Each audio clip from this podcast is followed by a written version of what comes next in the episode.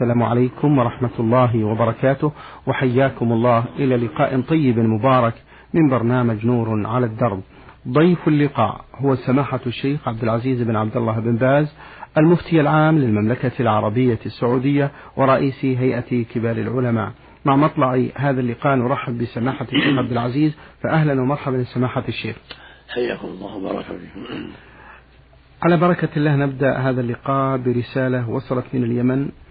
من أحد من السائلة نون عين نون تقول في هذا السؤال هل التسبيح باليد اليمنى سنة مؤكدة والتسبيح باليسرى بدعة؟ وهل كان النبي صلى الله عليه وسلم يسبح باليمين وما الدليل على ذلك مأجورين؟ بسم الله الرحمن الرحيم الحمد لله وصلى الله وسلم على رسول الله وعلى آله وأصحابه ومن اهتدى بهداه. أما بعد فقد ثبت عن النبي صلى الله عليه وسلم ما يدل على أن التسبيح باليمين أفضل ومن سبح باليسار فلا بأس. أو سبح بهما جميعا باليمنى واليسرى كل ذلك لا بأس به. وثبت عن عائشة رضي الله عنها قال كان النبي صلى الله عليه وسلم يعجبه التيمم في تنعله وترجله وطهوره وفي شأنه كله. وجاء عنه أنه كان يعقد التسبيح بأصابعه بيده اليمنى. وقال للنساء أقدن بالأنامل. يعني اليسرى واليمنى جميعا فالأمر في هذا واسع. عقد التسبيح باليمين والشمال يعني جميعا أو باليمنى كله جائز ولكن اليمنى أفضل. نعم. هل رفع السبابة في التشهد سنة أم بدعة وما الدليل على ذلك مأجورين؟ السنة الإشارة التشهد كما كان النبي صلى الله عليه وسلم كان يشير بالسبابة في الأحاديث الصحيحة في التشهد الأول والأخير يشير بها الوحدانية عليه الصلاة والسلام. ويقبض الأصابع كلها ويشير بالسبابة في التشهد الأول والأخير. فلا تزال منصوبة إلى سلامه من التشهد الأخير عليه الصلاة والسلام. وربما حلق الإبهام والوسطى وقبض الخنصر بالسر البنصر وأشار بالسبابة. تارة يقبض أصابعه كلها ويشير بالسبابة وتارة يحلق الإبهام يحلق الإبهام مع الوسطى ويقبض الخنصر والبنصر ويشير بالسبابة هذا هو السنة. إشارة للوحدانية ويضع يده اليمنى على فخذه اليمنى واليسرى على اليسرى على جلوسه للتشهد. وربما وضع يديه على الركبتين وكان في بين السجدتين يضعهما على الركبتين وربما ربعهم وضعهما على الفخذين بين السجدتين. وفي التشهد يضع اليسرى على فخذه اليسرى أو على ركبته اليسرى واليمنى على فخذه اليمنى ويحلق بهمها مع الوسطى ويشرب بالسبابة. وربما قبض الأصابع كلها وأشار بالسبابة. حال السهول عليه الصلاة والسلام. صلى الله عليه وسلم. هل جلسة الاستراحة سماحة الشيخ حين الرفع من السجود الأخير إلى الركعة الثانية جائز أو غير جائز؟ مستحب على الصحيح مستحب جلوس قليل. بعد الأولى في الثنائية والرباعية والثلاثية وبعد الأولى والثالثة في الرباعية الظهر والعصر والعشاء. جلسة خفيفة كجلسة بين كجلسة في الشهد الأول. هذا هو الأفضل وإلا مجلس فلا حرج. وإذا ترك بعض الأحيان فلا حرج. جلسة خفيفة بعد الأولى وبعد الثالثة. من قبل أن يقوم بعد السجدة الثانية في الركعة الثالثة وفي الركعة الأولى. نعم. أحسن الله إليكم. هل لصلاة الجنازة تسليمة واحدة فقط؟ هذا هو السنة تسليمة واحدة. هذا هو التابع عن أصحاب النبي صلى الله عليه وسلم. تسليمة واحدة. نعم. عن اليمين. تقول السائلة من اليمن في آخر أسئلتها سماحة الشيخ هل في هل في حلي المرأة المستعمل للزينة زكاة؟ الحلي من الذهب والفضة فيها خلاف بين العلماء. كثير من العلم يرون أنه لا زكاة فيها لأنها مستعملة ليست للنماء وذهب آخر من العلم إلى أن فيها الزكاة وهو الأصح وهو الأرجح. إذا بلغت النصاب وحال على الحول ففيها الزكاة لأن النبي صلى الله عليه وسلم أمر امرأة عليها الحلي أن تؤدي الزكاة. وقال له أم سلمة لما عرضت عليه حليها أفي هذا زكاة؟ قال ما بلغ يزكى فزكي فليس بكنز. لما قالت أكنز هذا؟ قال ما بلغ يزكى فزكي فليس بكنز. فدل على أن الحلي تزكى وأن إذا لم تزكى فيها كنز. هذا هو الأرجح وهذا هو الأحوط. نعم. أحسن الله إليك إذا بلغت الحلي النصاب ذهبا أو فضة. نعم. آه إبراهيم آه أبو حامد له مجموعة من الأسئلة. يقول في سؤاله الأول البعض من الناس يزورون قبر آه أم الرسول صلى الله عليه وسلم في الأبواء. فهل هذا من السنة؟ ليست زيارتها من السنة. أن زيارة القبور على العموم سنة. النبي عليه الصلاة والسلام زوروا القبور فإنها ذكركم بالآخرة وهم النبي مات في الجاهلية. هم النبي مات في الجاهلية. زارها النبي صلى الله عليه وسلم وسأل ربه أن يستغفر له فلم يعلم له. بكى وأبكى عليه الصلاة والسلام. اللهم صل وسلم. فدل ذلك على أن قبور الجاهلية أهل الجاهلية إذا زيرت لا بأس كما زار النبي أمة لكن لا يدعى لهم إنما تزار للاعتبار فقط للاعتبار. وأما قبور المسلمين فالسنة أن تزار ويدعى لهم ويسلم عليهم ويستغفر لهم. أما قبور أهل الجاهلية كأم النبي صلى الله عليه وسلم وقبور الكفار فلا بأس بزيارتها لكن ليست سنة إنما إنما تزار للاعتبار ذكر الآخرة ذكر الموت. أما قبور المسلمين فتزار للدعاء لهم والترحم عليهم وذكر الآخرة. وزوروا القبور فإنها ذكركم هكذا يقول صلى الله عليه وسلم. وكان يعلم أصحابه إذا زاروا القبور أن يقولوا السلام عليكم أهل الديار من المؤمنين والمسلمين وإنا إن شاء الله بكم لاحقون. نسأل الله لنا ولكم العافية. يرحم الله المستقدمين والمستأخرين وربما قال يغفر الله لنا ولكم. أنتم سلفنا ونحن بالأثر وإذا زار قبور الكفار كما تقدم للعبرة والاتعاظ فلا بأس كما فعله النبي صلى الله عليه وسلم. نعم. اللهم صل وسلم عليه.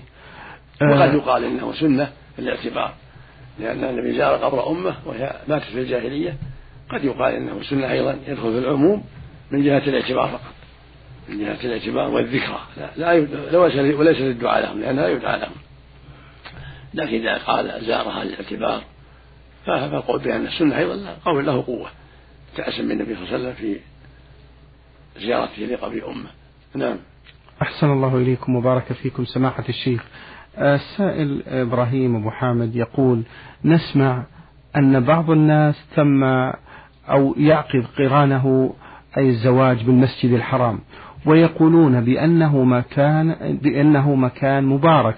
نرجو أن يكون الزواج كذلك وموفق إن شاء الله. فما الحكم الشرعي في ذلك يا شيخ؟ لا أعلم في هذا دليلا. في أي مكان عقد فلا بأس. في المسجد أو في البيت أو في أي مكان لا بأس. لا أعلم إلى خصوصية المسجد دليلا واضحا. أو لا أذكر دليلا واضحا في عقده في المسجد. نعم عقد النكاح يعني. نعم. أحسن الله إليكم. آه هذا سائل للبرنامج أرسل الحقيقة بمجموعة من الأسئلة. يقول الجهر بالمعصية يعتبر آه، معصية والمنافق. هل من يخالف ظاهر ذلك يأثم؟ فكيف يمكن التوفيق بين ذلك؟ جزاكم الله خيرا. بمعنى أن يخفي المعاصي ويظهر الصلاح وذلك من النفاق؟ الواجب على المسلم أن يتستر بستر الله وألا يجاهر المعصية. بل إذا فعلها فليستر بستر الله وليتوب إلى الله. لقول النبي صلى الله عليه وسلم كل أمتي معافى إلا المجاهرين جعلهم من غير من غير أهل العافية. كل أمتي معافى إلا المجاهرين وإن من المجاهرة أن يفعل العبد المعصية في الليل ثم يصبح قد ستره الله فيفضح نفسه ويقول فعلت كذا وفعلت كذا.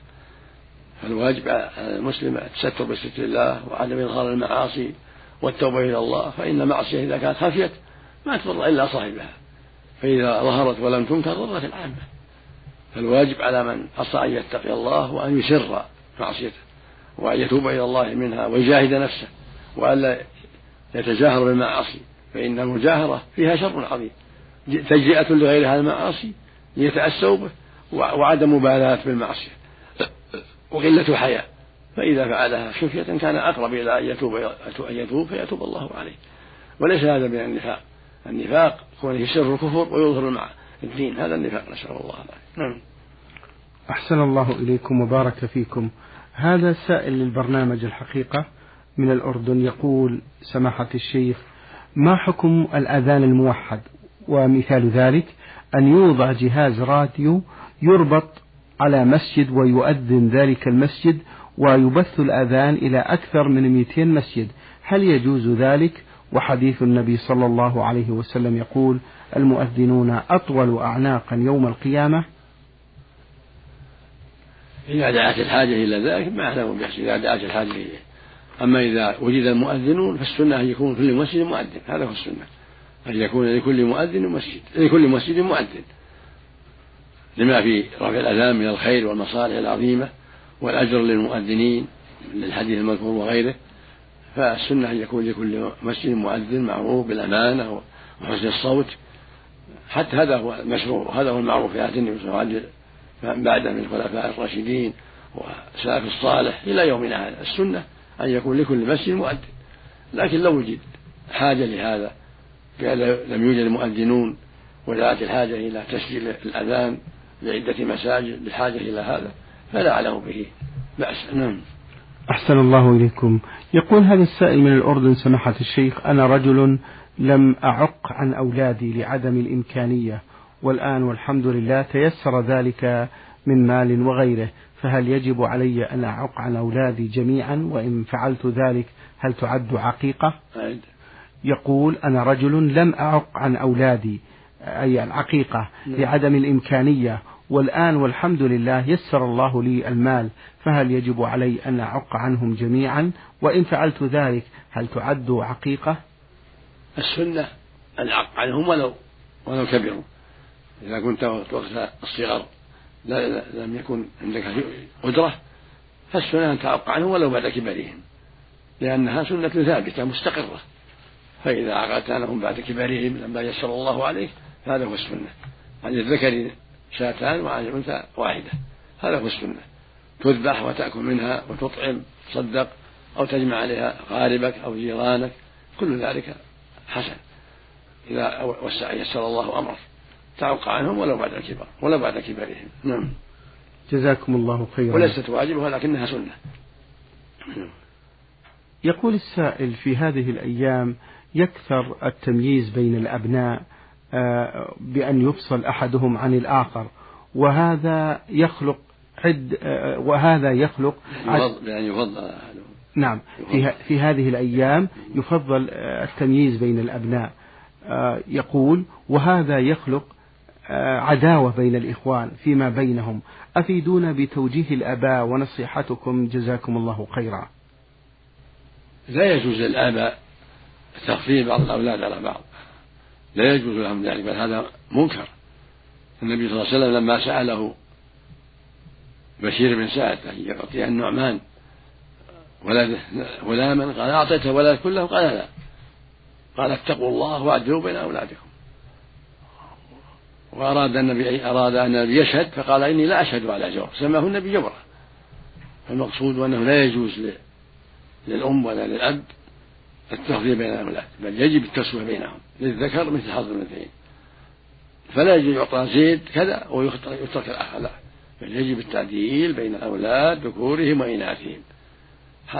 ولهذا في الحديث الآخر أيسرك أن يكونك في البر سواء؟ قال نعم قال فهكذا. لأنه إذا فرق بينهم ساءت أحوالهم وربما قطعوه أيضا. فالواجب على الأب والأم والجد والجدة عدم التفضيل بل يجب العجل للذكر مثل حظ الأنثيين. إذا أعطى الذكر مئة يعطي الأنثى خمسين وإذا أعطى الرجل ألف يعطي الأنثى خمسمائة وهكذا. يجب التعديل لقوله صلى الله عليه وسلم اتقوا الله وأعدلوا بين أولادكم. ولقوله لبشير بن سعد الأنصاري لما أراد يشهده على عطيته للنعمان وحده قال إني لا أشهد على يوم. وقال للبشير أيسرك أن يكون لك في البر سواء؟ قال نعم. قال فلا إذا يعني فلا تخص بعضهم. سوي بينهم حتى يكونوا كلهم في البر لك سواء. نعم. أحسن الله إليكم وبارك فيكم. هذه سائلة للبرنامج تقول سماحة الشيخ تذكر بأنها امرأة توفي عنها آه، الزوج وتعمل بمدرسة أهلية وتحمد الله وتستلم من ذلك راتب يكفيها ويكفي أبنائها والحمد لله. تقول السائلة وقد ترك لي زوجي مبلغا من المال وفي بلدي ما يكفيني ويكفي أبنائي ولدي طفل صغير عمره ما يقارب من سنتين ويأتي بعض الإخوان جزاهم الله خيرا ببعض الأغراض والمال ونعطيه لهذا الصغير ويعطونه لهذا الصغير فأرفض ذلك أنا لأنني لست بحاجة إليه والحمد لله وهناك من يستحق هذا وهذا مما يضايقني ويجرح مشاعري. وعندما أجلس مع نفسي أخشى أن أكون قد عصيت الله في قوله يسألونك ماذا ينفقون؟ قل ما أنفقتم من خير فللوالدين والأقربين واليتامى والمساكين وابن السبيل. فهل أكون منعت مال هذا اليتيم وعصيت الله؟ المشروع لك ألا ترديه النبي صلى الله عليه وسلم قال لعمر ما جاءك من هذا المال وأنت غير مشرك ولا سائل فلا فاقبله. وما لا فلا تدفع نفسك. فأنت إذا جاء للطفل احفظيه للطفل. هذه عادة بين المسلمين إعطاء الأطفال وتقديم الهدايا المناسبة للأطفال. هذه عادة معروفة. فإذا جاء للطفل شيء فاقبليه واحفظيه واجعليه من ماله. نعم. أحسن الله إليكم. تقول السائلة ترك لي زوجي مبلغا من المال وقسمته على أبنائي حسب الشريعة الإسلامية ولكن مال هذا الصغير أود أن أحتفظ به حتى يبلغ. هل أدفع عنه زكاة أم لا؟ وإن كان هناك زكاة فقد ترك زوجي المال في ذي الحجة فهل أدفع ذلك في رمضان أم في في ذي الحجة؟ إذا حفظت المال عندك وحال عليه الحول ادفع المال في تمام الحول على رأس الحول. فإذا كان المال حصل لأن مات الزوج في رمضان فالزكاة تكون في رمضان. هذا المال الذي بقي والنقود اللي إلى رمضان. وإذا مات في ذي الحجة فالزكاة في ذي الحجة وهكذا على رأس السنة. وإن قدمت الزكاة قبل تمام الحول فلا حرج. إذا قدمت فلا بأس إذا أعطاها الفقراء. والزكاة عنك وعن أموال أولادك. إذا كان لهم أموال زكي أموالهم. إذا كان لهم أموال من النقود ذهب أو فضة زكيها. وهكذا إذا كان لهم أراضي للبيع معدة للبيع زكى إذا حال عليها الحول. سواء كانوا بالغين أو غير بالغين. الزكاة على الجميع. إذا حال الحول على المال بعد موت الميت. يزكي صاحب. إن كان ذهب وفضة يزكى. إذا حال الحول وإن كان عقارا للبيع زكى على رأس الحول ومن قدم الزكاة قبل تمام الحول قدمها لمصلحة رأى فقراء وقدم لهم الزكاة فلا بأس لا حرج. أحسن الله إليكم. هذا سائل للبرنامج الحقيقة أرسل بهذا السؤال يقول سماحة الشيخ يذكر بأنه مصاب بمرض سلس البول كيف يتوضأ للصلاة؟ يقول لأنني سمعت من بعض أهل العلم وقرأت بأنه يجب أن أتوضأ لكل وقت صلاة ولكن أنا والحمد لله أصلي في المسجد وإذا أردت أن أتوضأ عند دخول الوقت فإن تكبيرة الإحرام والركعة الأولى والثانية قد تفوتني خاصة في صلاتي المغرب والعشاء. فهل يجوز لي أن أتوضأ قبل دخول الوقت ولو بخمس دقائق؟ وما الحال؟ وما الحال أيضا بالنسبة لصلاة الجمعة؟ النبي صلى الله عليه وسلم أمر المستحاضة أن توضأ لوقت كل صلاة قال توضأ لوقت كل صلاة. والمستحاضة هي التي معها الدم الدائم أو الغالب معها. أمرها أن توضأ لوقت كل صلاة. وصاحب السلس سلس البول أو الريح الدائمة أو الغالبة مثل المستحاضة. يتوضأ لكل صلاة. يلف على ذكر الشيء إذا كان البول يلف عليه بعض الشيء يحفظه. وإذا دخل الوقت توضأ كما تفعل المستحاضة سواء في الجمعة أو في المغرب أو في غير ذلك ولو فاته بعض الصلاة. فاتقوا الله ما استطعتم لأن الطهارة شرط للصلاة. فإذا أذن مؤذن في المغرب والأذان الأخير للجمعة يتوضأ ويأتي المسجد ولو فاته بعض الصلاة ولو فاته بعض الخطبة. لأن هذا شرط الطهارة شرط للصلاة. والحمد لله. وإذا تيسر العلاج أنه يعالج هذا السلس عند بعض الأطباء المختصين أو خروج الريح الدائم داء له دواء. عالج. الحمد لله. نعم. هذا السائل آه، سميح من الأردن يقول في هذا السؤال سماحة الشيخ يقول البعض من الناس إذا وقعت الذبابة في الأكل أو الشرب عليك أن تنزلها في الأكل أو الشرب بحيث آه، يدخل أو بحيث يدخل الجناح في الطعام. لأن الرسول صلى الله عليه وسلم يقول جناح الذبابة فيه داء وفيه دواء. ما صحة هذا الحديث سماحة الشيخ؟ نعم ثبت عن النبي صلى الله عليه وسلم أنه قال إذا وقع الذباب في شراب أحدكم فليغمسه ثم لينزعه فإن في أحد جناحيه داء وفي الآخر الشفاء. وفي رواية وإنه يتقي بجناح الذي فيه الداء. هذا رواه البخاري في الصحيح. أن النبي عليه السلام قال إذا وقع الذباب في شراب أحد فليغمسه ثم ينزعه فإن في أحده جناحيه داء وفي الآخر شفاء فالسنة إذا وقع في شراب في لبن أو في ماء أو غيرهما من الشراب يغمس ثم ينزع ويلقى ولا يضر لأن الداء اللي في في أحد الجناحين يداويه الدواء اللي في الجناح الآخر ويزول الشر. إذا غمس قابل الدواء الدواء اللي فيه الداء الذي فيه حتى يزول ضرره. نعم. هناك من ينكر هذا الحديث سماحة الشيخ؟ لا غلط. هذا اللي ينكره غلط. ما عندهم بصيرة ما عندهم علم. الحديث ثابت عن النبي صلى الله عليه وسلم. ولا حرج في ذلك والحمد لله. نعم. أحسن الله إليكم وبارك فيكم. بالنسبة لزكاة الغنم سماحة الشيخ الكثير من الناس لا يؤدي زكاة آه، الغنم لأنه يقوم بتعليفها أكثر من ستة شهور ويقول أكثر من ستة شهور لا تجوز الزكاة فيها. ما صحة هذا الكلام؟ إذا كان غالب وقته أنها تعلف ما ترعى ما فيها زكاة. إنما الزكاة في الإبل والبقر والغنم إذا كانت ترعى غالب الحول أكثر الحول ترعى. أما إذا كان لا في أحواش في الحوش ينفق عليها يعرفها أكثر الحول فلا تجب فيها الزكاة. إلا إذا كانت للتجارة البيع والشراء. فيزكيها زكاة النقدين زكاة التجارة زكاة العروض. إذا كانت في الأحواش والبيوت تعلف للتجارة والبيع فإنه يزكيها زكاة التجارة ربع العشر زكاة النقدين.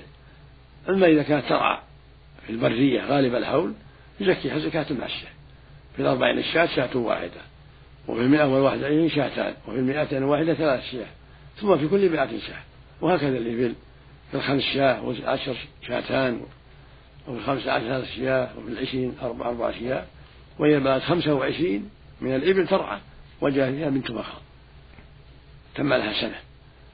المقصود أنها معروف يعني إذا كانت ترعى فيها زكاة من نفسها. الإبل والبقر والغنم زكاتها من نفسها إذا كانت ترعى. أما إذا كانت للبيع والشراء تعلف ما ترعى للبيع والشراء. فهذه زكاة النقدين زكاة العروض نعم. أحسن الله إليكم وبارك فيكم سماحة الشيخ. بالنسبة للشخص الذي يشتري السلعة بثمن يزيد عن ثمنها مرة ونصف إلى أجل مسمى لمدة ستة شهور أو أكثر أفيدونا هل هذا حلال أم حرام؟ لا حرج إذا اشترى السلعة بأكثر من ثمنها إلى أجل أو إلى آجال. لا حرج لأن الدين لابد يزاد فيه هم مثل النقد. فإذا شرى السلعة التي تساوي مئة اشتراها بمئة وخمسين إلى آجال أو مئتين أيضا إلى آجال فلا بأس بذلك ولا حرج ذلك لقوله جل وعلا يا أيها الذين آمنوا إذا تداينتم بدين إلى أجل مسمى فاكتبوه. فلا حرج في ذلك. لأن الحاجة تمس إلى هذا إنما أجله عليه من أجل الزيادة. نعم. جزاكم الله خيرا وأحسن إليكم. سماحة الشيخ هذه سائلة آه، مسلمة تقول بأنها مسلمة ملتزمة وتحمد الله على ذلك ملتزمة بالفرائض والواجبات وذكر الله عز وجل. تقول ولكنني أجد في نفسي بين فترة وأخرى قد هممت بمعصية لفظية فهل أحاسب على ذلك وماذا أفعل مأجورين؟ الالتزام بطاعة الله وترك المعاصي هذه من نعم الله العظيم. الحمد لله. ومن صفات المتقين والأخيار. فتحمد الله هذه المؤمنة وتسأل ربها الثبات على الحق حتى الموت. فإن الله يقول جل وعلا فاستقم كما أمرت ومن تاب ويقول سبحانه إن الذين قالوا ربنا الله ثم استقاموا. يعني ثبتوا على الحق وساروا عليه فلا خوف عليهم ولا هم يحزنون. أولئك أصحاب الجنة خالدين فيها جزاء بما كانوا يعملون. فالواجب على الرجل والمرأة الثبات على الحق والاستقامة والصبر حتى الموت والحذر من السيئات القولية والفعلية جميعا. يجب الحذر من المعاصي كلها كلها القولية والفعلية. وإذا هم العبد بالمعصية ما يضره. الهم لا يضر. معفو عن معفو عنه. إنما يعاقب إذا قال أو عمل. أما هم القلب وحركة القلب فالله جل وعلا عفى عنها. لقول النبي صلى الله عليه وسلم في الحديث الصحيح إن الله تجاوز عن أمتي ما حدث به أنفسها ما لم تعمل أو تكلم. فالأمر يتعلق بالقول أو الفعل أما هواجيسه وهم بقلبه فالله يعفو عنه جل وعلا. حتى يقول أو يعمل. وإذا كان كانت المعصية من عمل القلب أخذ بها. لأن مع القلب عمل. كالرياء في قلبه وخوف المخلوقين كما يخاف الله أو رجاءهم كما يرجو الله أو التكبر في التكبر بقلبه. هذا من عمل القلب. من أعمال القلب يؤخذ بذلك. أن الرسول قال ما لم يعمل يعني بقلبه أو جوارحه أو يتكلم بلسانه. فعمل القلب يؤخذ به اللسان. خوف الله ومحبته ورجاؤه والإخلاص له, له الأجر. وإذا تكبر على العباد أو رأى بأعمال بقلبه أخذ بذلك صار آثما بذلك وهكذا. فالمعاصي القلبية يؤخذ بها والطاعات القلبية ينتفع بها يؤجر بها. لأن القلب له قول وله عمل.